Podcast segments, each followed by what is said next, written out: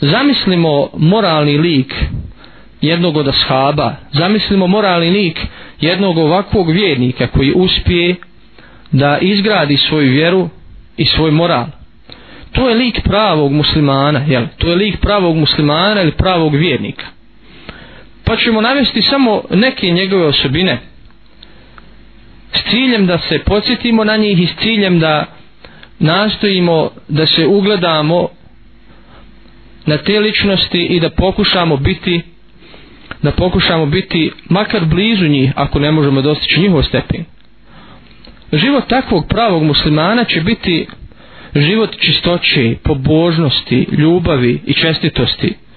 Pravi musliman zna da duhovne vrijednosti, odnosno vjera i moral, da to čini čovjeka.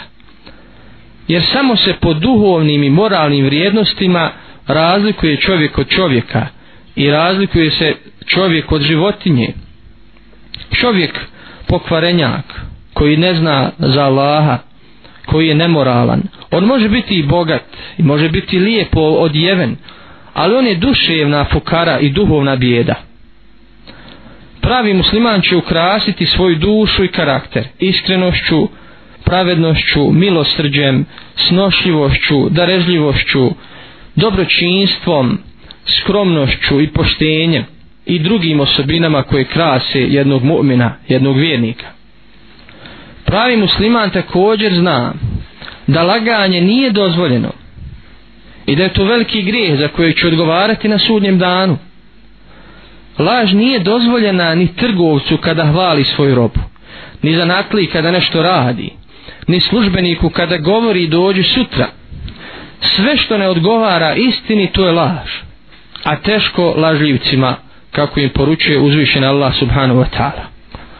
Jedne prilike ashabi su upitali poslanika alaihi salatu wasalam da li vjernik može biti kukavica pa, su, pa je rekao može da li može biti škrtac pa je rekao može a da li može biti lažec odgovorio je ne može vjernik ne može biti lažec a laž je jedno veliko zlo i uzrok mnogih drugih zala koje iz njega proizilazi.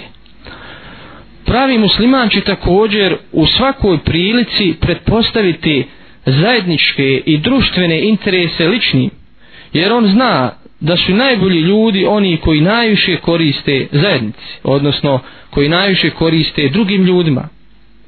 Također pravi musliman je dobročinitelj, jer vjeruje da je svako dobro djelo sadaka da je svako dobro djelo sadaka i da će za svako dobro djelo biti nagrađen na onome svijetu.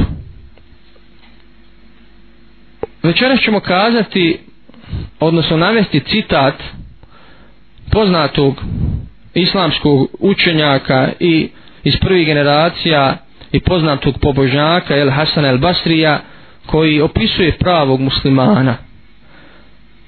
I ovaj njegov opis, odnosno ova njegova izjava treba da bude moto svih muslimana da poprave svoju vjeru i da uzvise svoj moral. Kaže Hasan al-Basri opisujući pravog muslimana, kaže pravi musliman neće činiti zulum, odnosno nepravdu onome koga mrzi.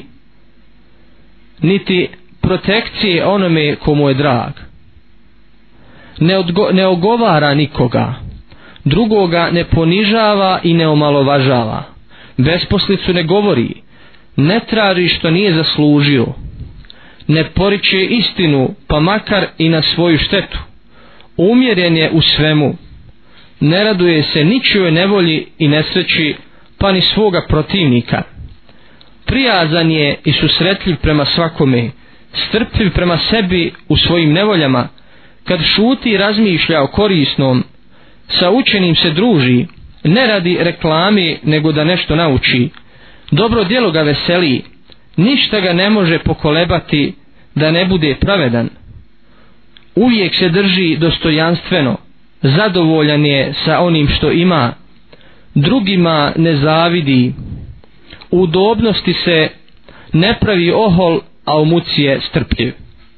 Takav je pravi musliman i divno je biti takav musliman.